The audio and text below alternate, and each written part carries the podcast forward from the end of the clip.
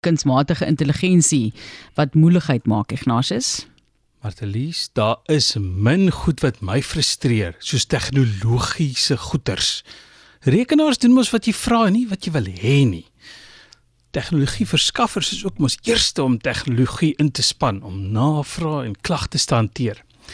Terwyl ek vir 'n mens wil sê, ek weet, dis nie jy nie, maar so is jou stelsel besig om my te val. Dis egter nie net ek wat sukkel nie. Musikant Ashley Bucamp het ook gesukkel. 'n Pakkie was eers verlore by 'n afleweringsdiens en Ashley is toe haks met die kunsmatige intelligensie kletspot wat veronderstel is om te help. Die kletspot was nie opvaardig nie. Beleefd, maar nie opvaardig nie. Die kletspot kon help kon of kon nie help met die pakkie nie, kon nie Ashley na 'n mens verwys om mee te praat nie. Dit kon nie 'n nommer vir 'n inbelsentrum verskaf nie. Toe kom die kleuter in Ashley na vore.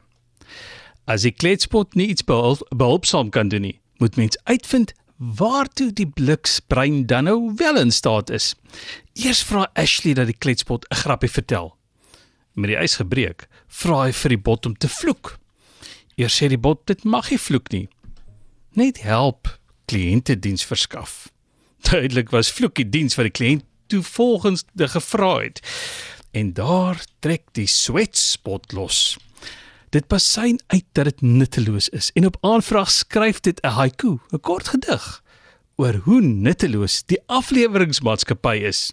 Nou daardie gesprek het soos 'n veldbrand aanlyn versprei is 'n miljoen keer binne 24 uur aanlyn gelees.